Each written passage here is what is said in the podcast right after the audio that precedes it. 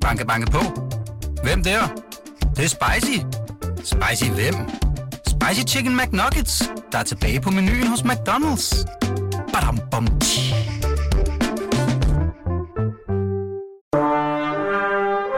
Du lytter til Radio 24 /7. Velkommen til Flaskens Ånd med Poul Pilgaard Jonsen. Det er lige før, jeg ikke har lyst til at sige noget, fordi øh, uh, stillheden her er helt vidunderlig. Og der er virkelig stille. Det eneste, jeg kan høre, det er nogle fugle, der pipper udenfor. Og øh, en gø kunne jeg høre før. Der er ingen biler, der er ikke noget i nærheden. Det er virkelig, øh, det er jo, vi er jo langt ude på landet. I en dal. På et slot. Lykkesholm Slot. Jeg har en gæst. Øh, og øh, så snart jeg får ham startet, så tror jeg, at så er det slut med, med stillheden. ikke også, Adam Holm? Jeg tør ikke sige noget, Poul. Du kan, du, kan, du kan virkelig godt snakke. Det ved jeg, fordi jeg lige for øh, et par timer siden har haft dig øh, som, øh, som på scenen på Heartland Festival. Og øh, altså, der talte du da i hvert fald det meste af tiden, ikke? Ej, du er heller ikke helt tabt bag en ordvogn. Ah, men øh, så var der jo tænkt, at, øh, at når vi nu begge to var på Heartland Festivalen på Eskov Slot på Fyn, så kunne vi øh, også lige øh, lave en flaskensånd, for jeg har længe gerne ville invitere dig. Og øh, egentlig tænkte jeg, at det skulle foregå på Eskov, men det er faktisk ret svært med lokaler deroppe, fordi der er musik hele tiden, så, så der er hele tiden øh, larm fra musik i baggrunden. Men så har jeg boet sammen med nogen hernede på Lykkesholm Slot, som det hedder, som er en 10-12 km væk fra Eskov, som øh, man kan lege til hvad hedder det, bryllup og selskaber og sådan noget, selve slottet, hovedbygningen, og så er der sådan en sidefløj her, øh, hov, glasset, så sidefløjen, sidefløj her, som, øh, som vi sidder i nu, hvor, som er lavet til værelser, hvor man så kan, kan bo om natten, og øh, vi har simpelthen også der boet her, vi har bare fået udleveret en kode til døren, og så der er ikke noget personale eller noget, vi har bare sådan selv kunne gå ind og, og, og, og tænde for varmen, og, og så har vi boet her et par dage. Og så tænker jeg, der tager vi ned og laver flasken sådan, sammen med Adam Holm, så det gør vi, og øh, det er jo fortryllende her, ikke? Det må jeg sige, Poul. Jeg er helt bjergtaget. Jeg anede ikke, der eksisterede sådan et sted. Nej. Det siger bare noget om min øh, københavnske provincialisme. men men det, det er et meget smukt sted at lave de her optagelser. H.C. Andersen var også helt vild med det her sted. Det her sted var en af de herregårde, hvor han kom aller, aller mest. Øh, og skrev mange af sine eventyr. Jeg har faktisk lige fundet et citat her. Det er H.C. Andersen, der skriver om Lykkesholm. Det romantiske Lykkesholm, det smukkeste sted, jeg kender i Fyn, hvor man spiser ganske fortræffeligt og kan få vin og sød fløde, så meget man ønsker. Hvor smukt. Ja. Sød fløde. Ja, det er jo bare, ja. Øh, ja. Øh, måske er det bare fed fløde i virkeligheden, ja. der får den der lette sødme. Det gør det jo, når det bliver meget fedt. Han skrev Den lille havfru her, for eksempel, og kunne spille mand. Den slags, ikke? Vi skal jo også have vin. Ikke sød fløde. Ah, jeg kan se, der står en. Prøv at se, hvad den hedder. Heartland. Heartland. Den hedder simpelthen Heartland. Det, det eneste, jeg havde fokuseret på, det var, at det var med skruelåg. ja, men det er der jo mange vin, der er nu om det. Jeg rækker lige over til dig. Og øh, mm. Heartland, det synes jeg jo bare var sjovt, fordi vi nu mødes til Heartland Festival, ikke? Og så findes der faktisk en vin, der hedder Heartland, ikke? Og hvor er den fra? Ja, altså, den er faktisk fra et sted inde i Odense, eller på Fyn. Den er nemlig fra et firma, der hedder Vinens Verden. Ja, det er dem, der importerer den. Men ellers er den jo fra Australien. Det hele flasker så? Den er simpelthen fra Australien. Øh, og øh, det er en, en Shiraz. Og det er jo altså ham, der har lavet den. Øh, winemakeren, han hedder Ben Gletzer, og han er en af de berømteste australske vinmager. Simpelthen. Og øh, det her, det er sådan, han har, det, altså han er virkelig, virkelig berømt, øh, øh, øh, fyren her. Og man kan sige, at han laver flere forskellige slags, øh, flere forskellige slags øh, vin. Øh, det her, det er sådan det, man kalder, øh, ja, man kalder det sådan en, øh, hvad skal man sige, øh, øh, sådan en value for money vin, ikke? Ja. Altså, hvor man får meget for pengene. Det betyder også, at vi ikke er i det helt høje niveau. Det er vi altså ikke. Tusind tak, Poul. Prøv smage på det, er vi ikke. Men til gengæld hedder den Heartland. Ja. Skål Adam Holm, Skål. som jo i øvrigt er journalist, historiker, anmelder, tidligere studievært på Deadline, og mest berømt lige på det seneste for at være helt vild med at fortælle om sin utroskab. Ikke? Nej, hvor er du streng. Du har lavet et program, der hedder Utro, ikke? Men... Og oh. date mig nøgne, nej, det hedder det ikke, det program lavet. Hvad hedder den, hvor I Nå, skulle være nøgne? Når det er der, du vil hen, øh, jeg, jeg tror bare, Det hed Jeg er nøgen. Mm.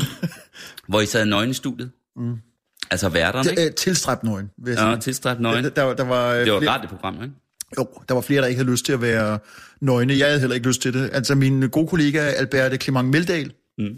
var, var langt mere øh, ekstrovert end jeg selv. Øh, men øh, de folk, jeg havde i studiet, inklusiv Katja Keen, havde ikke lyst til, eller øh, Susie Lacour, havde ikke lyst til at smide tøjet. Øh, Susie Lacour, hun spurgte, om hun måtte se min pik. Ja, måtte hun det? Jeg havde taget et billede af den, fordi vi havde, øh, jeg havde en fornemmelse af, at hun ville derhen. Så hun så den og sagde, åh, det var ikke værst. Det, det, var, det var meget ret skudsmål at få med. Men du har, øh, du har fortalt offentligt, også i interviews og den slags, om, at, øh, øh, om din utroskab, og det er, hvad skal man sige, det er jo så forskellige holdninger til. Jeg fandt noget virkelig sjovt. Øh, jeg ved ikke, om vi skal starte med det. Du har stillet mig det i udsigt. i. Det er, det, det er en tekst fra Rokokoposten, det satiriske medie Rokokoposten, ikke?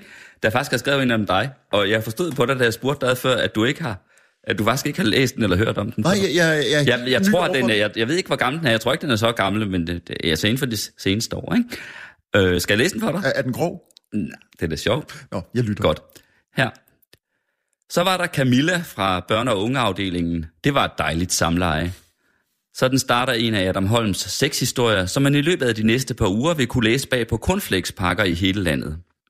Fortællingen handler om en DR-medarbejder, som Holm... Altså, ja.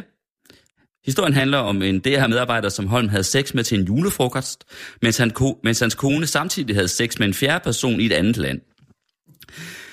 Historierne har overskriften Serially Non-Monogamous og kommer i kølvandet på den tidligere Deadline-værts program Jeg er utro og hans optræden i podcasten Uafbrudt Samleje, hvor han fortæller om sit åbne ægteskab.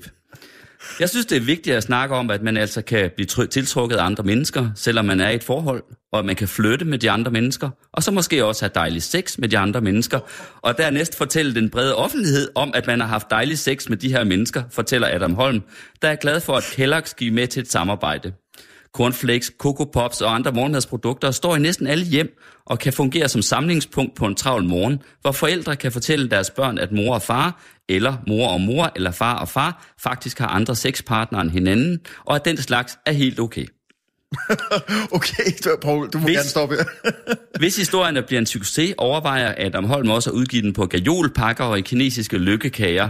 Han understreger, at alle kvinder er anonymiseret, og at han har haft sex med endnu flere end dem, som skal optræde på cornflakespakkerne. Åh. Hvis de alle skulle med, ville det kræve, at en familie købte en ny pakke Frosties hver dag de næste mange år, griner den 50-årige vært, der afslutter hver sexfortælling med et nummer, hvor man kan ringe til ham, hvis man vil høre mere om åbne forhold. Det er vigtigt, at vi udbreder kendskabet til andre levemåder, især blandt yngre kvinder, som måske ikke er klar over, hvor berigende det kan være at have sex med en tidligere deadline-vært, for nu at tage et tilfældigt eksempel. Okay. Og så slutter den her. Rokoko-posten har ikke kunne få fat på Adam Holms kone for at høre hendes mening om projektet, men Holm forsikrer, at hun synes, det er super fedt. Okay, tak for Heartland, du, eller tak for kaffe, Skål! Som har virkelig hængt ud til spot og. Om den kendte jeg ikke, den tekst. Øh, Og den øh, er jo kun beregnet på at hånd spot og latterliggørelse. Nå, synes hun, det er super fedt, din kone? Liv. Paul, må jeg, må jeg have lov at forklare mig? Yeah. Fordi øh, sådan som øh, du fremstiller det nu, du og jeg sidder og kigger på en bog skrevet af Karl Mar Møller. Jeg, jeg føler mig Ja, helt... den stod i reolen her. Ja. Ja. Vi sidder jo i en af, af stuerne, der er i den her sidebygning, ikke? Og i øvrigt, jeg er jo heldig der, fordi jeg sidder på den måde, så jeg kan se gennem vinduet over på selve slottet. Ja, og- Vidunderligt gule slot, ikke? Og du har sidder og kigger ind i en bogreol. Jeg sidder og kigger ind i, i bogreolen med Karl Mar Møllers bog i øvrigt, om, om botanik, men det er noget helt andet. Han har en fortid som forstmand. Altså, øh, det, det er meget sjovt skrevet. Rokokoposten, og det fremstår som om, at jeg er et, et, et glupsk øh, sexmonster. Øh, kig på mig, jeg er jo ikke ligefrem øh, George Clooney's lillebror. Det er ikke sådan, at jeg går rundt og, og fisker i, øh, i rørte damme. Altså, jeg, Hvorfor? Fordi du skaldet og, og ikke nej. så høj? Eller hvad? tak.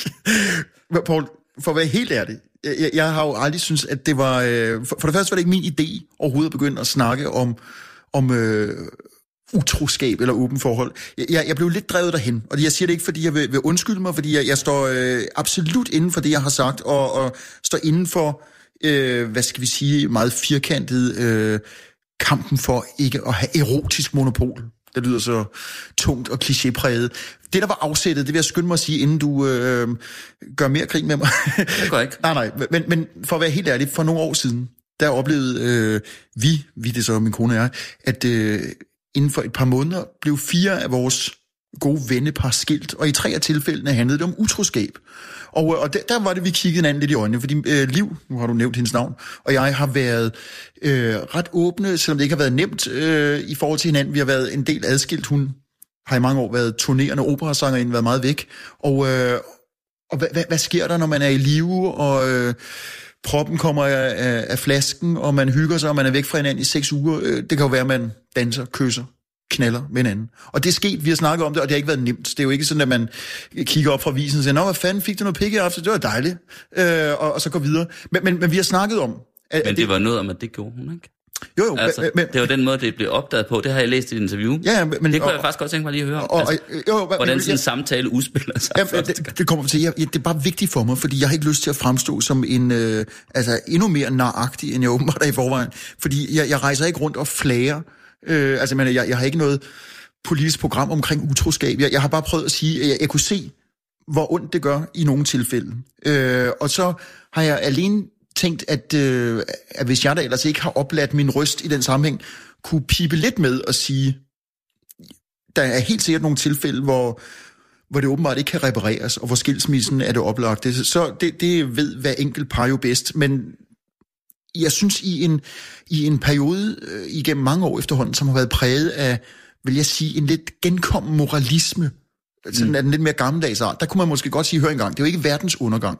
Og hvis man er to voksne mennesker, der kan snakke om det, og i øvrigt øh, tør vedstå, at, at man, nu siger jeg selvfølgelig, fordi det er en selvfølge i det hjem, øh, jeg nu bor i, at man indimellem øh, lader sig besnære, tiltrække øh, af andre, øh, og ikke som en sport, og ikke som noget, øh, hvor der skal krydses et, et bestemt antal kandidater igennem om måneden. Altså det er, det, det er meget, meget lidt, kan, kan jeg afsløre. Men, men, I, le- I levede altså ikke i et åbent forhold, Nej. da det kom frem. Og Hvordan skete det? Altså, hvordan... Øh, øh, det var dig, der først fandt ud af, at din kone var det, altså, Ja. tro, ikke? jeg havde, altså nu er vi virkelig ude i konfessionernes hjørne, ja. Paul.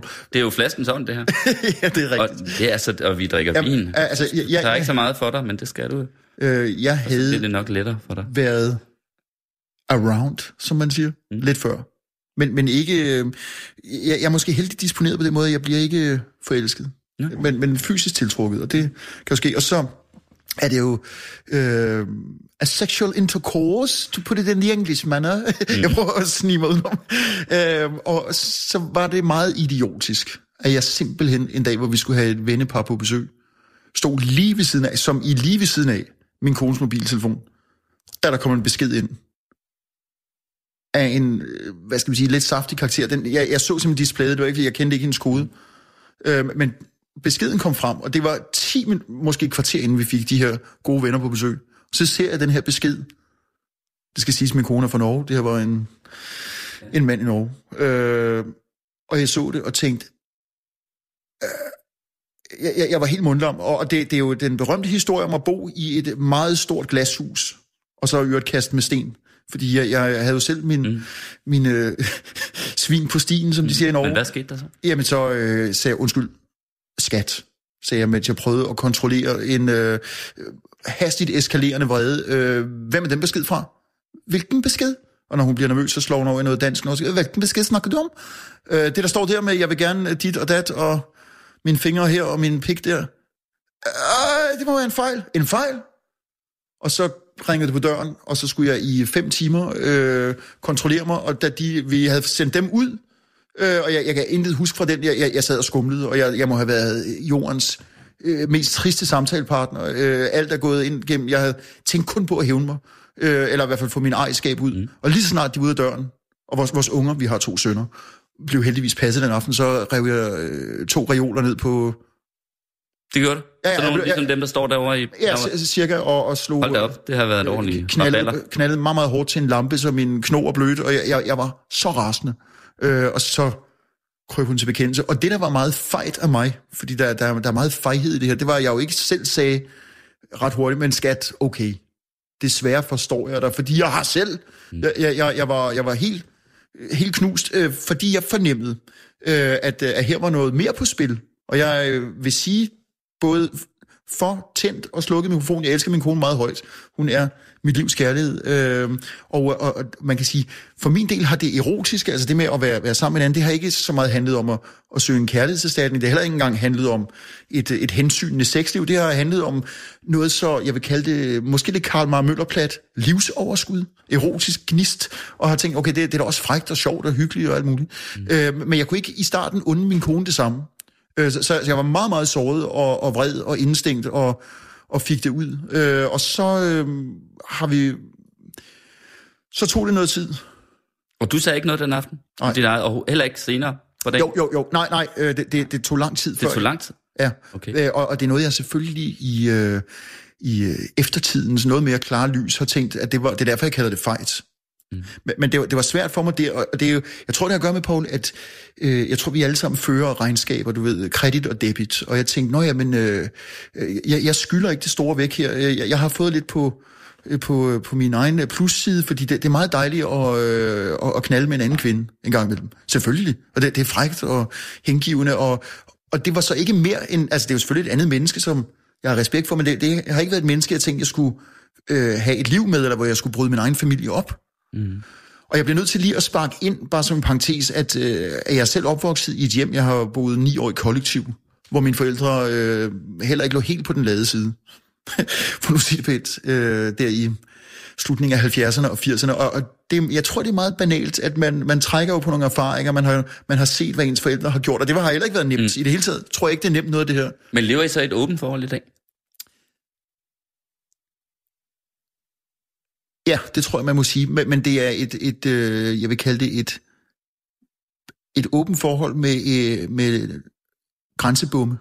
Ja. Forstået på den måde, at øh, jeg kan jo se, øh, i, i virkeligheden anser jeg os selv for at være altså, i erotisk forstand konservativ vælgerforening. Det, det, det er meget gammeldags, når man er ellers ude i det åbne forhold, for der er jo nogen, som er i åbne forhold, som er polyamorøse, for eksempel, som tillader sig øh, decideret kærlighedsaffærer med, mm. med opblusende forelskelser, og der er andre, der tillader, øh, eller synes, at det er passende for deres form, at, at de har... Øh, hyppigt skiftende øh, sexpartnere, øh, så kan det være, at de har nogle aftaler om, altså nogle gange er det jo, er det jo øh, altså, rene forfatningstraktater, der skal formuleres. Det må ikke være 20 km øh, tæt på hjemmet, det må ikke være nogen, man kender, bla bla bla. Der, jamen, der, jeg har set udkast til den slags forfatninger, som EU kunne lære noget af. Øh, og, og i vores tilfælde, der, der er der, øh, jeg tror i gamle dage, nu sidder vi, nu har du lige nævnt H.C. Andersen, øh, på den tid, der må man sikkert have kaldt det husvenner.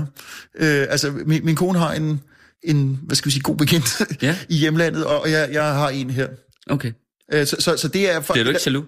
Nej, ikke. Nej, det fjerner det sig det længere. ikke. Og, og, men det har, det har været en... Nu er det så populært at tale om rejser. Det har været en, en rejse over nogle år, øh, fordi det har været svært for mig at, at begribe, øh, hvorfor min kone har været tiltrukket af den her mand, som jeg jo selvfølgelig synes ligner en, øh, en sæk lort øh, og virker utrolig dum, og som jeg har haft lyst til at slå ihjel. og nu, jeg, jeg har aldrig mødt ham, men nu omfavner jeg ham med en broderlig, øh, øh, øh, hvad skal vi sige, om ikke kærlighed, så i hvert fald øh, respekt. Men Adam Holm for fanden, du har sgu da kun én. Hold nu op. Altså, det tror jeg da ikke, hvis du ligesom havde haft gang i den før. Altså, det er bare fordi, jeg tror ikke på, at folk forandrer sig så meget. Men øh, det kan være, at du er et eksempel Øh, Jamen, på det modsatte.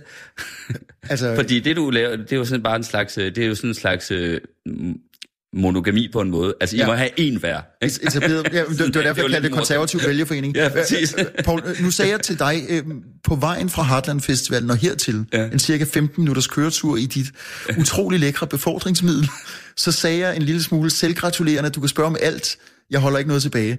Øh, og, og det vil jeg stå ved, fordi det er meget vigtigt for mig, øh, selvom det forekommer naivt, at være ærlig.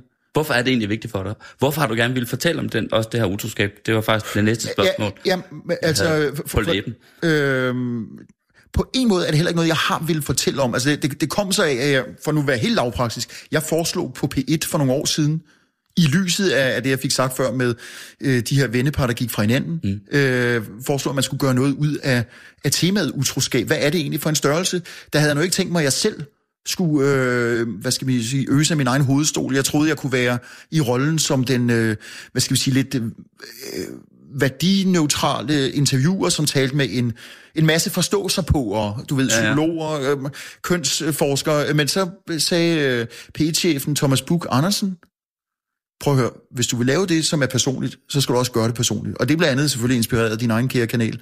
Øh, så det endte med, at jeg selv blev skubbet foran mikrofonen, og nok også har lavet mig skubbe foran. Men, men i forhold til det med ærlighed, som næsten er blevet et for mig slags ideologisk øh, credo, mm. der, der har det, og det er derfor, jeg siger, det er lidt naivt, det ved jeg godt. Men, men jeg har jo siddet mange år, i små 10 år, og været vært på Deadline, og har oplevet en hel del øh, repræsentanter, både for politiske partier og interesseforeninger, som jeg har vidst, kun har sagt noget af en sandhed. Øh, andet ja. har de skjult, Og strategisk. og, og strategisk, og er der ja. en ting, jeg efterhånden får, undskyld sproget, simpelthen elevatornos over, så, så, så er det strategisk tænkning, fordi jeg tænker, lige bagefter sådan et interview er overstået, mikrofonerne er slukket, så, så er, har jeg har næsten ikke talt på, hvor mange gange jeg ikke er blevet dunket på skulderen, og så er der en, der har sagt, du ved godt, jeg kan jo ikke sige det, som det er. Og så tænker jeg, hvorfor fanden er det, du ikke kan det? Øh, og, og derfor har jeg lidt sådan, jeg, jeg vil hellere sige det, som det er. Og, og derfor, når du så spørger, Paul, Ja. øh, og, og, og sidder der med dit øh, øh, sardoniske smil og siger, du har da ikke kun én. Så vil sige, jo, det, det har jeg nu. Øh, men, men det er rigtigt, jeg har øh, haft øh, set nogle andre før. Min kone har været noget mere, hvad skal vi sige, øh, enstrenget. Øh, men jeg har knaldet med nogle flere, sådan er det bare. Kan vi skåle for din kone, Liv? Ja, som er en kvinde, jeg elsker. Det. Ja, det gør du. Ja, det gør Det det. betyder meget for, det kan man faktisk mærke. Altså, Kan du det? Det er jeg glad ja, for, fordi det kan jeg er... faktisk. Altså, det virker ikke, som om du er en, der er på vej ud af forholdet, mildest talt. Nej, altså, øh, jeg vil kæmpe afsindigt for det forhold. Jeg, det, det kender du også, Paul, fordi du øh, ved en hel del om kvinder, ved jeg. Øh, at når man bliver ramt lige i hjertekuglen, på trods af, at, der, at de kampe, der følger ja. På alle mulige måder, også når man opdrager børn. Ja, så er det voldsomt. Det, det, at, det at finde menneske, man elsker højt, øh, er ikke nemt. Der var, ja, men det smager, det er fint. Altså, det er det jo ikke kæmpe fint, men det er meget, det har sådan meget god temperatur. Prøv- prøv- Den har faktisk været ude i min bil i nat, så passer det meget godt lige nu. Paul, Øh, du kører Jaguar, jeg kører Kia Rio. For mig er det en virkelig fuldgod vin. Okay, det er ikke så godt. Prøv at høre. I den her samtale før, der, der kunne man faktisk også... øh, Der var der også et andet udsagn om dig i virkeligheden. Øh, Det var jo omkring din reaktion, der, hvor du smadrede et par reoler, øh, eller og dine knor og en lampe osv. Ikke? Det er dit temperament, ikke? Altså, dit voldsomme temperament. og det ved jeg noget om, fordi vi har siddet på Heartland på den her festival øh, for et par timer siden, hvor jeg interviewede dig, der talte vi om det. Øh, og hvor du jo fortalte om, altså, at du faktisk ikke kan styre dit temperament nogle gange, ikke? Altså, på fodboldbanen for eksempel, ikke? Og vi talte om øh, den, i hvert fald i vores journalistkredse, meget berømte historie om, at du er oppe og slås med en anden redaktør øh, på politikken, men øh, som jeg, hvad skal man sige, forstod det, så var jeg jo ikke rigtig at slås. Det var dig, der var overfaldsmanden. Ja, i jeg, jeg, jeg, jeg Skal vi ikke lige tage den en gang til for prins Knud og for, Jo, og for lytterne til Flaskens Ånd? Altså, I var begge redaktører på politikken, ikke? Ja, lederskribenter. Ja. Jeg, jeg, jeg var debatredaktør, og Den anden, øh, det var Markus Rubin. Markus Rubin, som er en øh, smadret øh, journalist. Ja. på politik. Nu er han så? kronikredaktør. Øh, Som jeg erindrer det. Det kunne jo være, at Markus en dag bliver gæst i flaskens ånd og vil komme en anden version. Men, men som jeg husker det, skulle han og jeg øh, skrive en leder hver. Dengang havde politikken to ledere. En på forsiden og en på bagsiden. Tør Seidenfarten, som var den faste lederskribent, var på ferie. Og øh, Markus og jeg havde aftalt, hvem der skulle skrive hvilken leder. Og som jeg husker det, øh, så vil Markus have, at jeg skulle skrive den lange leder, som er den, der af god grund tager længere tid, to mm. længere tid at skrive end den korte. Og jeg var meget, meget træt, som i... Jeg havde teposer, det mine øjne lignede teposer, der hang helt ned på kinderne. Øh, min, øh, vores øh, førstfødte øh, var, var ret ny dengang, kan man sige, og havde øh, åbenbart holdt mig oppe. Jeg, jeg havde i hvert fald meget ondt af mig selv og var meget træt, og Markus insisterede på, at jeg skulle skrive den lange leder. Og så øh, tror jeg, vi mundhuggede sådan en lille smule om det, og så sagde øh, Markus, jamen sådan bliver det bare. Og så tog jeg en, en kop, kaffekop, og, og lød som om jeg ligesom bed øh, tændsatsen af, som om det var en håndgranat, og så sagde jeg, banzai! Og så kastede jeg den op, den her kop, i luften øh, og, og, og gennem lokalet. Øh, men, men sådan lidt i, i en bold, øh, et boldkast, tænkte jeg, med underhånd, som er sådan noget, hvor man kunne gribe. Øh, men, men det var jo i mit hoved, at det var sådan, Markus skulle have reageret, for koppen landede foran ham og, og, og knustes i, i mange stykker, og han blev af god grund meget forskrækket og for op og råbte, han kaldte mig Holm. Holm er jo sindssyg! Øh, du, du, holdt mig jo vanvittig! Og så røg jeg over og slog ham i maven. øh, uden øh, videre argumenter.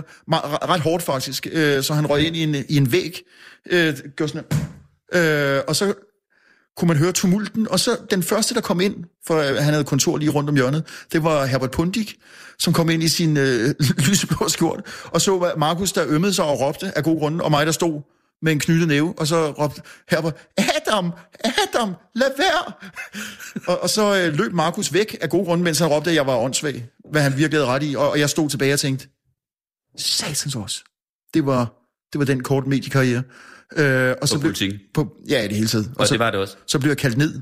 Øh, der, dengang var der flere chefredaktører, jeg blev kaldt ned til ham, der hed Bo Meldesen, som sagde, at han havde... Øh, fordi det, det rygtedes meget, meget hurtigt. Altså, alle, alle var over. To redaktører der op og slås. Øh, og så, så, så øh, blev jeg kaldt ned på hans kontor og fik at vide, at det der, det var 100% utilbørlig opførsel, og at det formentlig var fyringsgrund, men jeg i første omgang ville blive bortvist i en uge, øh, og uden løn.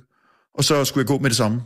Øh, og så må, må det, altså jeg fik lige lov til under eskorte at gå op og hente min, øh, min jakke, og, øh, og så skride fra politikken, og jeg tænkte, okay, forfærdeligt. Øh, og Markus og jeg var faktisk ved at skrive en bog sammen på det tidspunkt, og skulle have mødes samme aften. Og jeg tænkte, okay, det er det. End of story med alt.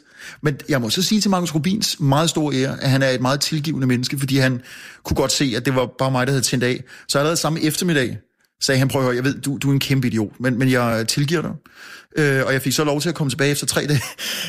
jeg blev ganske vist trukket i løn, men, men, øh, men, men altså, jeg, jeg, jeg skylder Markus tak. Men, men det, der var meget interessant, på, det var, at i, øh, i timerne efter fik jeg simpelthen så mange sms'er fra folk rundt omkring i, øh, i byen, altså i branchen, som havde hørt om, øh, og du, du ved, hvordan det er, en fjer bliver til mm. en hønsegård. Øh, noget med, at jeg skulle have gennembanket Markus, eller noget, noget af den stil. Men, men der, var, der, og der var nogen, der, der skrev, sikke et svin, du er, andre skrev, fantastisk. Øh, så, så, så, nå, Skal vi ikke skåle for Markus Rubin? jo, Markus har sgu fest. mand. Øh, men, men altså prøv at det, det der med temperament, Paul, jeg, jeg bliver flov, det gjorde jeg også, da vi talte om det på Heartland her. Jeg, jeg bliver flov over det, fordi at, at hvem har lyst til at være kendt som, øh, som et menneske, der tænder af, du ved. Øh, alle vil jo gerne sige, åh, ham der, om en eller anden, han er fantastisk, han er lattermild og altid øh, øh, i stand til at snakke med folk. Og, øh, og jeg anser mig, siger jeg, der lige har fortalt om at have slået en kollega, øh, jeg anser ikke mig selv for at være, øh, altså på den måde let antændelig. Jeg, jeg, jeg blev meget, meget desperat og vred der, da jeg fandt ud af min kone. opfatter ikke dig selv som let antændelig. Okay, måske let antændelig, Ja, men, men, men ikke, altså jeg går ikke rundt og, og råber og skriger af folk. nej. Men, Men øh, hvad tror du, det er? Altså, det er noget, der eksploderer inde i dig. Hvordan, hvordan føles det? Altså, jeg er jo af, god grund dårlig. Øh, jeg har jo først og fremmest udløst det på en fodboldbane. jamen, jeg, er det sådan noget med, at hjernen slår fra? Eller hvordan? øh, Jeg har ikke prøvet det, tror jeg. Er, Er- er det rigtigt? er det ligesom noget, der eksploderer inde i dig i maven? Eller hvad? hvad Nej, men, altså, det, det pussy er, at jeg, øh, når jeg tænker tilbage nu, går der heldigvis lang tid imellem. Øh, jeg, jeg føler mig nu altid, og det lyder absurd, men jeg føler mig faktisk altid rationel i den forstand, jeg øh, synes, jeg ved, hvad jeg gør. Øh, på, på fodboldbanen, jeg har spillet meget, meget fodbold tidligere, indtil jeg fik en knæskade. Øh, der, der har jeg været øh, nogle gange i, øh, i egentlig, altså håndgemæng, øh, slagsmål, skulle jeg at sige. Øh, og jeg har fået, øh, tror jeg, måske som en rekord i det, der hedder DAI, Dansk Arbejderidræt, har jeg fået 11 spilledages karantæne, som er, er for, forholdsvis meget, ved jeg. Hvor mange røde kort har du fået i alt? Mm, 7 stykker. Men, øh, men 11 spildags karantæne vil sige, der, der er simpelthen nærmest en hel halv sæson, man ikke må spille. Øh, og det var, fordi jeg løb efter en dommer, øh, som havde vist mig ud og fortalt, hvad jeg ville gøre ved ham. Hvad ville du gøre med ham? Tale med ham. det, det, det, det, der var meget åndssvagt, Paul, øh, for mig, det, var, det, det er ikke så mange år siden, det var, at inden vi gik i gang med den her kamp, vi taler jo selvfølgelig et, et glad amatørniveau, der havde den her dommer været over og hilse på mig, og så har han sagt, ja, dig kender jeg, jeg, jeg øh, så har han sagt det der meget pænt om, om mig i deadline, og jeg havde stået der som, som den øh, præmiekalv, jeg er, og nikket og sagde, tusind tak, jamen tak. Og så er vi en halv time inde i kampen, hvor efter jeg låser en ned, så løber han over, og er på fornavn med mig og siger, Adam, det, det, der skal du lige passe på. Ja, selvfølgelig. Og så låser jeg ham ned øh, lidt efter og får et gult kort, som betyder, at man bliver udvist i 10 minutter. Hvad jeg brokker mig over, så kommer jeg ind og gør et eller andet, og så siger han, nu er jeg meget ked af det, nu bliver jeg nødt til at vise dig ud. Og så klikkede det. Øh, og så viste han mig ud, og så skulle jeg ud af banen, og det nægtede jeg. Og så begyndte jeg at løbe efter dommer. Og så indrapporterede og det var meget åndssvagt. Og bagefter er jeg jo simpelthen så flov, jeg ville ønske, at jeg havde en katapult, mm. og ligesom kunne skyde mig selv afsted. Men, men hvor, hvorfor tror du, at du tænder sådan af? Jeg ved det ikke, jeg har faktisk talt med, ikke fordi jeg skal drage andre med i faldet, men jeg, jeg bor meget tæt på Søren Ulrik Thomsen, digteren, og han har et balstyrisk temperament indimellem. Og, øh, og jeg mødte ham en dag for ikke så lang tid siden, hvor han, altså sprogets betvinger, Mm. Poesiens Og behersker. behersker mm. og mester, mm. øh, hvor han fortalte mig, at han øh, stort set lige var kommet ud af, af akademiet for de højere kunstnere, øh, og havde øh, taget sin cykel, og så var han åbenbart kommet til at ramme en eller anden, som havde sagt, øh, se dig lov for! Og det første, der var røget ud af Søren Ulriks mund, det var, pas dig selv, dit fede svin. Øh, og, og han var blevet helt opkogt. Hvorefter han jo også havde lyst til ligesom at blive evakueret af et rumskib lige med det samme, fordi man, man bliver meget flov. Så jeg, jeg, jeg ved ikke, hvad det er. Jeg vil ønske, og, og det sker tit, fordi jeg er også civiliseret. Det sker tit, at jeg kan tæmme den der trold. Men Nej, indimellem, det kan du. Du kan tæmme den. Ja, det synes jeg. Øh, altså, det er jo almindelig civilisering. Øh, men, men altså, det er faktisk ikke lang tid siden, at jeg steg ud af min bil og stod øh, i en midterrabat med en anden mand, og, øh, og hvor vi nedstirrede hinanden. Og sagde, så kom, så kom. Og jeg tænkte, hvor fanden kommer det fra? min, mine forældre har det ikke. Nej. Min bror har det ikke. Øh, jeg, jeg, jeg ved det ikke, må, må, måske er jeg hjerneskadet. Må, må jeg få lidt mere vin? Ja, jeg hælder op her. Men jeg- dine jeg- forældre, nu nævnte du dem jo selv før, de, øh, de tog også for sig retterne med hensyn til, til sex med andre, kunne jeg forstå, en gang imellem i hvert fald. Jamen, det- det- jeg Men de var, og de boede i kollektiv, I boede i kollektiv, ikke også? Jo, kollektiv og bofællesskab. Kollektiv og bofællesskab, ja. Altså, det var sådan et meget... Øh, det var så et meget venstreorienteret hjem. Ja, Eller det, må, det var det. Altså, mi- min, øh, min fars forældre var kommunister, ja. aktiv under krigen. Min farfar var under jorden. Og, øh, og han har ligesom overtaget den, det, det tankesæt, så rykkede han let på det, og var en kæmpe oprører. Hvem? Din far? I, han meldte sig ind i KU, da han var 17, og gik på Gamle Hellerup Gymnasium. Øh, og var så og, og blev sergeant i, i herren i en periode. Okay. Blev så skolelærer og VS'er. Så han, Sådan. øh, inden for fem år gik han fra at gøre en lille smule oprør øh, mod de her meget kommunistiske forældre, som i øvrigt også var meget småborgerlige, øh, og, og så lige øh, lege konservativ en kort overgang, og så vende tilbage til den sikre hylde. Og min mor har også altid været meget venstreorienteret. Den type, der rejste til Kina og hyldede mave. Ja. Hvad drømte du selv om at blive, da du var barn? Øh, altså, da- da, indtil jeg var en 14-15, øh, drømte jeg meget, meget inderligt om at blive øh, fodboldspiller. Og jeg troede, jeg havde visse forhåbninger, der kunne understøtte det. Mm. Øh, og så øh, drømte jeg faktisk i en periode om at blive øh, revolutionær. Revolutionær? ja, altså, altså Altså sådan øh, jeg rejste med våben ud og kæmpe. væbnet Ja. revolutionær? Ja, Okay. altså jeg, jeg Det, havde... det havde du, det, altså mener du det Ja, seriøst? ja, altså, men, at ja, du, ja det, det er ikke noget, jeg digter. Altså, jeg drømte, altså nu, nu kan vi selvfølgelig indvende, øh, hvad man mener med det, men jeg, jeg synes, at det var meget, meget tillokkende. Øh, altså, det vil sige, Poul, det er, jeg, jeg har været meget påvirket af historierne om min farfars tid øh, i, øh, hvad skal vi sige, den væbnede undergrund. Jeg har aldrig mødt ham. Ja, han han døde i trafikuheld i 63, og jeg er fra 69. Mm-hmm. Øh, og jeg har muligvis lavet en slags sådan, uh, helgenkåring af ham, fordi min farmor fortalte aldrig så meget, men, men jeg har hørt lidt, og han har en bror, som var i korsetlejr, som skrev en bog om opholdet i korsetlejr og, og modstandsbevægelsen, mm. hvor min farfar også blev nævnt, og hvor jeg tænkte, hold da op. Han har ikke fået opkaldt veje eller pladser efter sig, men jeg tænkte, okay, og jeg har billeder, hvor han står på, øh, de, hvad kan man sige, i tiden lige efter befrielsen, hvor de var ude og jagte stikker og kæmpe mod Ja. Lipo, står med våben, og jeg tænkte, okay, sådan en vil jeg også være. Øh, så da jeg var 16-17, øh, drømte jeg faktisk små, søde, revolutionære drømme om at rejse til Nicaragua og tilslutte mig sandinisterne. Øh, men øh, ellers så drømte jeg om at blive lærer. Skolelærer? jeg var gymnasielærer måske, mine forældre er skolelærer. Okay. Lige, lige et step op. Ja, det var der to meget forskellige jeg var i erhvervspraktik som drømme skolelærer. ka- som revolutionær. det er der forstår. Det, det vil sige, men, men, men jeg er opvokset, Paul, i, i et, øh, hvad kan man sige, øh, ret rødt hjem. Og, og så foretager man jo nogle bevægelser under, øh, med, med tiden, ikke? Mm. Hvor lå, hvor lå det hjemme? Ja, det har ligget øh, flere forskellige steder. Ja. Først øh, på Nørrebro, øh, og så i Grønland.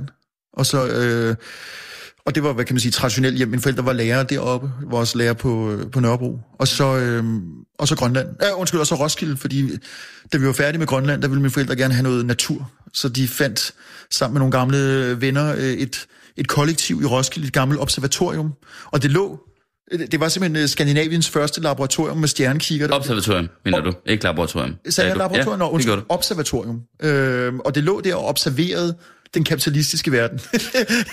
øh, mens man, øh, og der var ikke, skal jeg skynde mig at sige, for det er jo det evindelige spørgsmål, øh, når man ligesom taler kollektiv, der var ikke et bollerum, men der var, øh, tror jeg, et, et rimelig frisind. Altså ikke nødvendigvis på tværs af, af værelserne i kollektivet, men, øh, men, men det var jo en del af sådan en periode, der handlede meget om frisættelse på alle mulige måder. Mm. Øh, og det har jo også influeret... Var du teenager der i...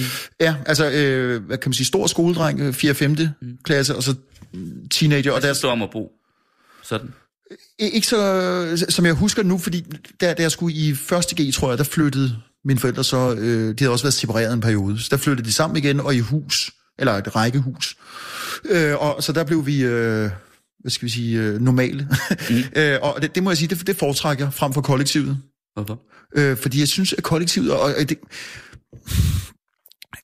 der var jo selvfølgelig kollektive normer og regler, det vil sige, at, at der skal være en eller anden grad af, af, af fællesskabsvurdering. Og det, øh, uden, uden at skulle tegne mig selv op som en åh, evig spændende anarkist, som gør oprør mod rammerne. Jeg, jeg havde det lidt svært der. Jeg er også blevet smidt ud af en skole, øh, fordi jeg øh, forbrød mig lidt mod nogle, et reglement, øh, da jeg gik på en lille skole, en meget socialistisk lille skole. Og der skulle alligevel, har jeg fundet ud af, lidt til at blive smidt ud af den. Mm. Øh, den bliver jeg bortvist fra. Øh, så, så jeg, jeg har haft det på nogle områder nogle, øh, nogle disciplinære øh, udfordringer, samtidig med, at jeg altid har været meget skoleglad. Altså jeg elskede, hvad skal vi sige, det skolastiske, det at læse og, og, og hvad skal vi sige, søge øh, viden og kundskab, det, det har, har virkelig optaget mig. Øh, og det, det lyder sikkert også frygteligt frelst, men sådan er det bare. Øh, men men der, der har været noget omkring, hvad kan man sige, de rammer der, og så, sådan synes jeg også, det var i kollektivet. Altså der var for eksempel, de første år vi boede der, øh, der, der var det, der hed bananrelementet. Eller jeg har i hvert fald døbt det bananrelementet. Mm. Øh, det var i, i slut 70'erne, start 80'erne. Øh, man måtte få øh, en banan om dagen, eller et stykke frugt. øh, og, der, og der var sådan et, øh, et form for fælles fadebur. Og der sneg jeg mig ned med en anden dreng i kollektivet, der hed Jonas. Og, øh, og vi havde allerede fået et stykke frugt den dag, men så stjal vi hver en banan, for vi var skide sultne. Øh, og der var seks timer, til vi skulle have hirsegrød. og det blev så opdaget af kommunistlæner. og så blev der simpelthen foranstaltet en slags øh, fælles proces, hvor Jonas her, altså det var ret hurtigt, der, der boede 14 mennesker i kollektivet, og det tog ikke så lang tid at finde ud af, hvem øh, sønderne var. Så, så vi blev, øh, og vi blev faktisk angivet af Lenas søn Sebastian, øh, den forræder. og, og så blev vi sammenkaldt under, øh, og det er ikke løgn, altså under den røde fane, hvor, øh, hvor anklageskriftet blev læst op, og, og øh, der boede min far et andet sted med, med en anden kvinde, men så var det min mor, der sad og, Ja og kiggede og så, at jeg blev ført til, øh, hvad kan man sige, på skafottet og skældt ud. Og, og det er jo ingenting, altså nu skal jeg ikke lyde som et, et offer for historien, men, men hold kæft, mand. Øh, Det, det står meget øh, skarpt for mig som noget, jeg virkelig, virkelig havde. Det der med begrænsningerne, og du må kun, og... Mm. Og den del kan jeg se den dag i dag, hvor jeg altså nærmer mig de 50, øh, kaldte det enten en, en evig øh, puls eller noget umodent. Men det har jeg svært ved stadigvæk at helt at acceptere. Og underordne dig. Regler. Altså, jeg, jeg har i hvert fald, jeg, jeg kan jo se det nu, altså du, du kender det også selv, Paul, man- man begynder med alderen at se nogle mønstre i sit liv. Mm. Og det er ikke noget, jeg, jeg nævner her, fordi jeg er udpræget stolt af det, og, og, og, og synes, det er et ridderslag, men, men jeg kan se det åbenbart, det træk, der går igen, at jeg øh, på den ene side er meget tiltrukket af fællesskaber, jeg vil meget, meget gerne, også som gammel fodboldspiller, jeg vil gerne være en del af et hold, og jeg vil meget, ja. meget gerne tjene ja. under andre. Ja. Men jeg har også altid følt det vigtigt, at man kunne diskutere, hvad skal vi sige, nogle af de regler, der er udstukket. Og der er jo nogle sammenhæng, hvor man bare ikke kan diskutere noget, hvor det bare er sådan, det er. Mm. Og, og der, der har jeg, hvad skal vi sige, der, der har jeg fået fingrene i klemme nogle gange. Øh, Ja, det må man sige. Jeg sidder og kommer til at tænke på, øh, dengang du imod, hvad hedder det, øh, de regler, der var udstukket fra ledelsen, viste Mohammed-tegningerne i deadline. Ja. Ikke? Med stor risiko for landets ved og vel, ikke? Principielt og så videre. Øh, og det fik du også en ordentlig skideballe for, ikke? Jo, lige præcis. Hvad, Øh, hvad fik du ind den af? jeg fik den i første omgang af Deadlines øh, chef Heidi Ropdrup, som jeg øh, altså den dag i dag øh, har stor respekt for. Hun, hun gjorde det rigtigt, kan man sige. Jeg, jeg skal skynde mig at sige, Poul, fordi nu, nu kigger du på mig med dit, med dit gode, listige smil. Øh, Jeg, jeg troede, og det er også meget naivt, altså, og det tror jeg også, jeg har sagt før, jeg troede ved at vise de tegninger i et interview med Flemming Rose, mm. at jeg kunne være med til at påvirke beslutningsgangen på, på DR, altså det, der lige skal siges, det, her, det var et interview i Deadline i 2015 med Flemming Rose, en søndag aften. To dage før havde øh, den meget udmærkede, kan man roligt sige, Martin Krasnik, øh, lavet en udsendelse, hvor han ville have vist Mohammed-tegningerne, men havde et klæde over Mohammed-tegningen, og åbenbart havde sagt, og det skal sige, jeg, jeg vidste ikke, han havde lavet det, for jeg så ikke deadline den fredag aften. Mm. Men der han sagt, ja, jeg ville gerne have vist den her tegning, det må vi ikke. Så kommer jeg to dage efter, og slår op i Flemming Roses bog, og viser billedet, øh, velvidende, at jeg skulle have søgt en tilladelse til det. Men jeg tænkte, hør engang, det skulle da alt talt skide ligegyldigt. Altså, alle ved, hvordan den tegning ser ud. Flemming sidder her, han har betalt den Var høj. det selve den med Mohammed med Ja, bum, ja. bombe i turbanen? Ja. Og, og for lige at understrege min pointe, så viste jeg den to gange. Øh, og så var den ligesom hjemme. Men, men så tænkte jeg godt, nu, øh, og jeg var faktisk, det, det lyder mærkeligt nu, Paul, også fordi jeg fik så meget skæld ud. Jeg tænkte virkelig ærligt bagefter, øh, fordi dels synes jeg, Flemming øste af sig selv, og han var meget bevæget, og jeg, jeg synes øh, faktisk, at det var et meget, meget godt interview, fordi han gik langt. Og jeg, jeg var utrolig stolt lige sekunderne efter, og så så jeg en besked fra min chef og tænkte, øh, jeg, jeg læser den ikke nu, fordi det er bare en lang hyldest, men hold kæft, hvor var det godt. Øh, så det var først, da jeg kom op på redaktionen, jeg så, hvad der stod. Ring nu! Øh, og det viste sig så, at jeg havde sat ild til øh, altså en halmball, øh, og ilden spredte sig over hele det her. Og, og i tiden efter, altså hun skældte mig ud, så fik jeg virkelig seriøst skæld ud af Ulrik Hågerup, den daværende nyhedsdirektør. Og så fik jeg i tiden efter øh, en masse små hints, øh, for ikke at sige, altså, nu lyder det meget klunkende, men, men det er sådan, det er. Jeg blev faktisk voksenmobbet af flere chefer. Altså, der var for eksempel en aften, hvor jeg var på arbejde, øh, hvor jeg blev passet op. Øh, DR har sådan et, en lang indre gade, og der var en chef, der kom gående forbi mig. Det var kun den pågældende chef og mig. Hun er et hoved højere end mig, det er der mange, der lænede sig ind over mig og sagde, du aner ikke, hvor meget lort du har lavet. Og så gik hun bare videre. Det var kun os. Øh, og, og jeg har prøvet DR's garderobe. Øh, nej, jeg prøvede alt muligt, og jeg fik mange mails fra øh, folk. Jeg, det viste sig åbenbart, at jeg havde virkelig trådt i, øh, i spinaten. Mm. Og det var også med, hvad kan man sige, grund til, at jeg øh, efter noget tid sagde op, fordi det var, det var sgu ikke så sjovt at fortsætte. Så jeg, man kan sige, jeg har også... Øh, Men det der, det er så noget andet. Vi skal lige huske at drikke noget. ja, skål. Hey, skal vi lige prøve at tage 30 sekunders stillhed? Jeg har hørt, bare lige for at høre, om vi kan høre noget udenfor. Ja. Fordi, altså, det er jo helt... Jeg, jeg, jeg taler Det også man- meget, ikke? Man kan nok ikke høre det i, uh, i radioen, men uh, faktisk, hvis vi er stille, så kan vi høre, at altså, der er virkelig lyde af, jeg forestiller mig også noget, hos Andersen har haft det, når han var på Lykkesholm, frøerne nede i, i voldgraven rundt om søerne, og så fuglene. Men vi prøver lige at tige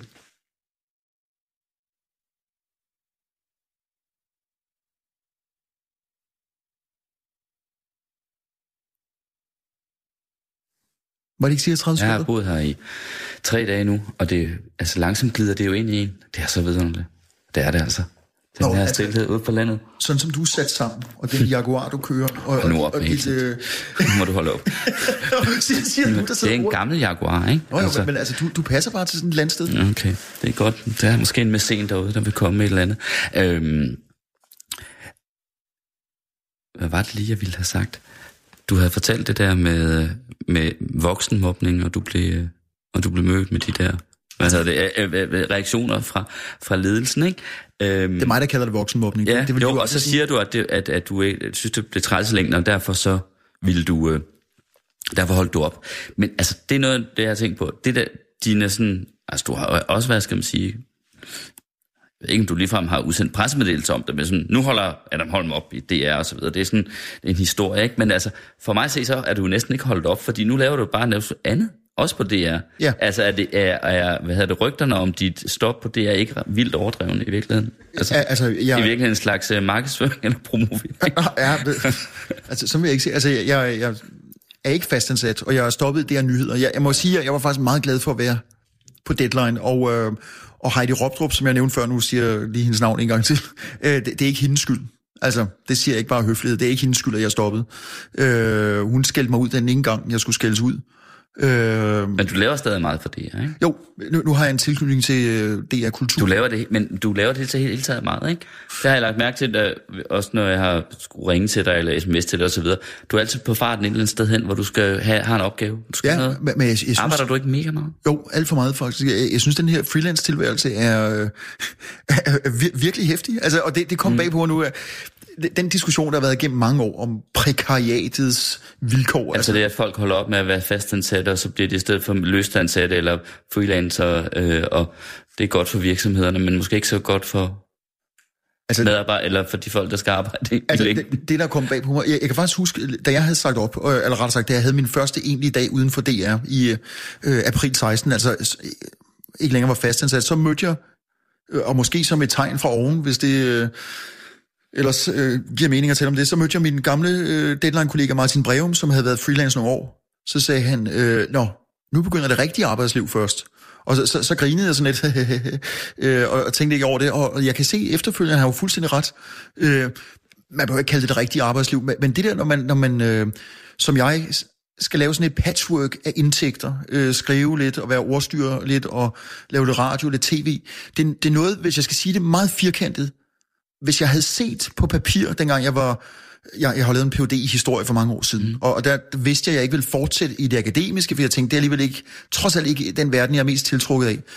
Øh, hvis jeg dengang som 28-29-årig havde fået på papir det, jeg laver nu, så ville jeg tænke, wow, det vil jeg meget gerne. Hold da op, må jeg bare vælge lidt af det. Og nu hvor jeg sidder i det, øh, altså, jeg, jeg synes det er svære, og det irriterer mig, men jeg synes, jeg er blevet lidt en, en klynkerøv, fordi jeg laver noget hele tiden. Det har ramt mit sociale liv. Altså, jeg har selvfølgelig venner, men øh, der går længere og længere tid mellem. Jeg har synes jeg, øh, hvad kan man sige, overskud til at tage mig tid til at være mm. ordentligt social. Mm. Øh, og det der, som, øh, som jeg jo kan se, på, når, når jeg har lidt med dit blad at gøre, jeg leverer jo ind imellem en, en Til weekendavisen, ja, anmeldelser. Øh, altså, ikke et ondt ord om jeres store kvalitet, øh, fordi I skriver skide godt på den avis, mange af jer fastansatte. Øh, I har heldigvis lidt tid, to dage, tre dage måske, mm. til at skrive nogle af de der gode, mm. lange artikler. Mm. Øh, og, og er der noget, jeg virkelig savner nu, så er det lidt tid til fokus. Fordi det, øh, ja, det, det, det må jeg sige, er mit, mit store ønske nu her, hvor jeg fylder 50, det er, at jeg skal prøve at, at finde mig et sted, hvor jeg kan være... Øh, er der nogen, der vil ansætte mig? har, du, har du fortrudt, du sagde op i det Ja, på en måde, ja. Altså, og, og, og jeg vil faktisk sige, økonomisk, hvis det er sådan, man skal gøre det op, så, øh, så burde jeg ikke klage, fordi det, den del går fint, øh, men, men det er ikke... Det er faktisk ikke så optaget af. Jeg vil utrolig gerne have noget fokus og noget, noget mere fast at arbejde med. Det, det savner jeg virkelig. Øh, nu, nu har jeg lige skrevet en bog, som kommer til august, øh, og det, det har jo så givet noget fokus, men omvendt der har jeg jo siddet hver, jeg har skrevet om Bashar al-Assad, fordi jeg er meget optaget af Syrien, og skrev en bog for halvandet år siden om, om krigen dernede. Øh, og det har været for ligesom også at give mig selv en fokus. Men så har jeg jo siddet... Øh, du ved, hvordan det er på. Man, man arbejder, plim, plim, plim, løber hurtigt, øh, hamsterhjul, så er der familie, man selvfølgelig skal pleje, så er der alle elskerinderne, hvor der kun er en. Mm. Øh, og, øh, og så øh, fra kl. 23 til kl. halv to om natten har jeg prøvet at sidde og, og skrive bog. Øh, mm.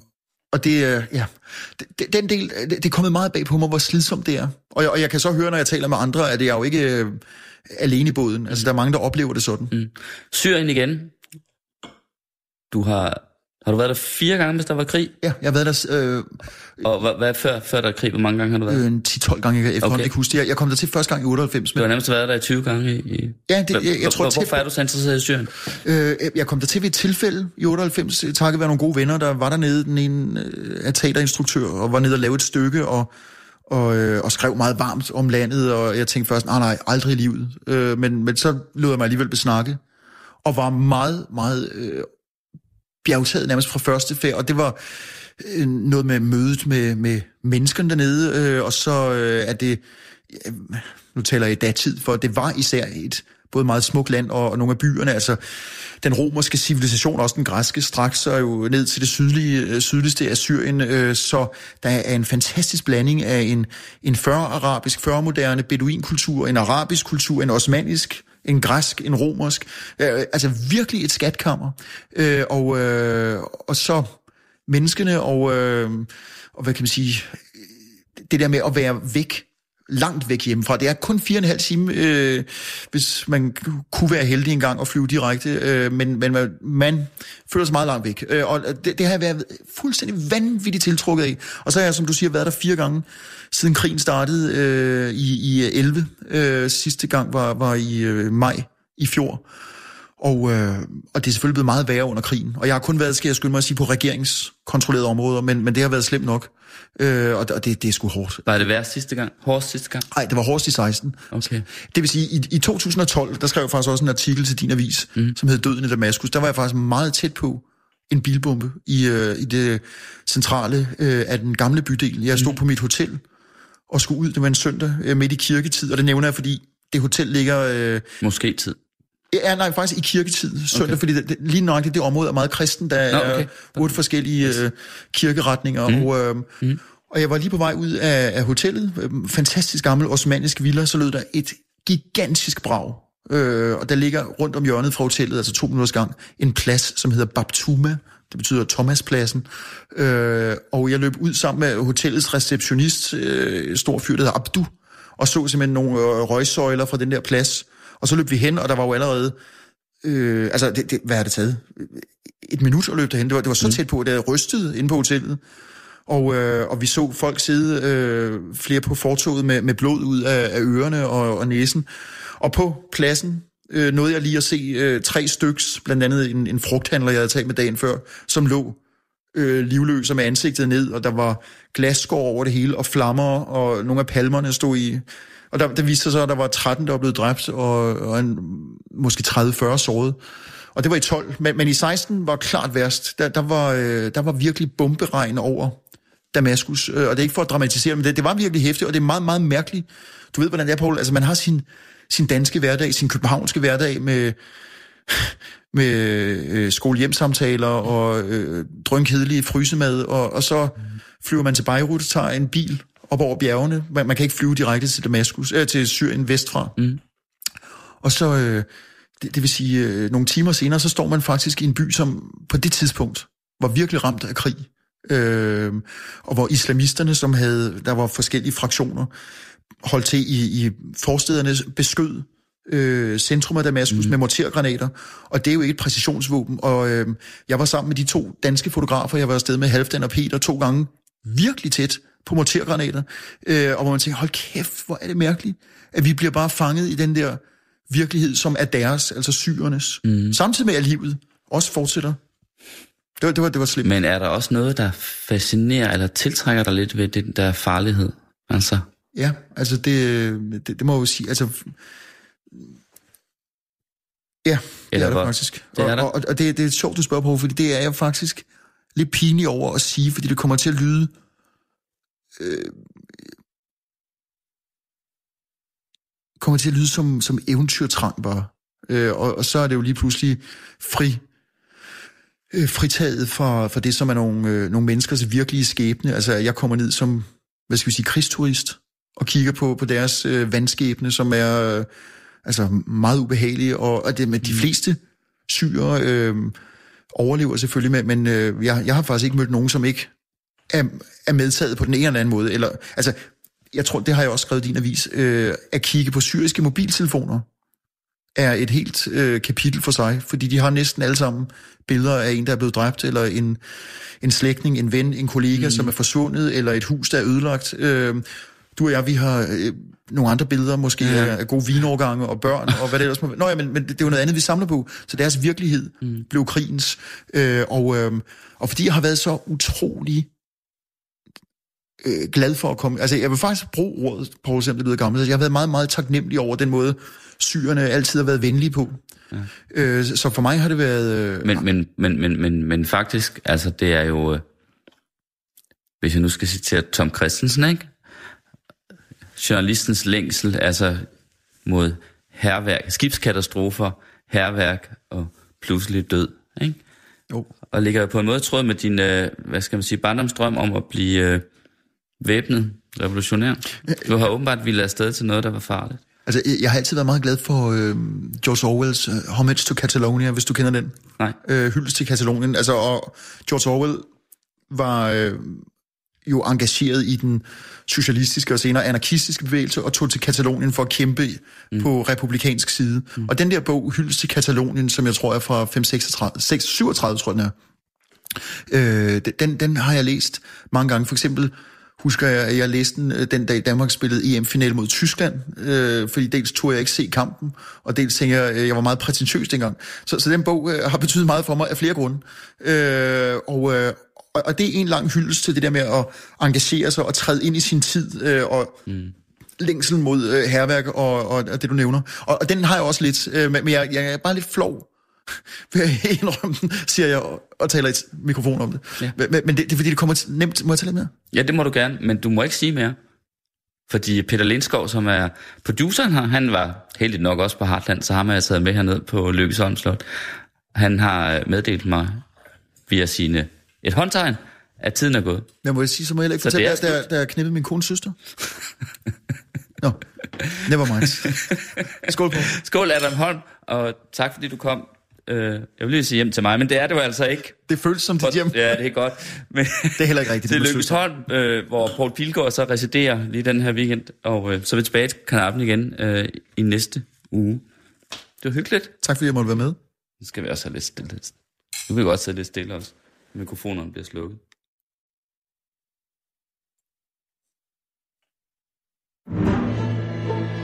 Du lytter til Radio 24 /7.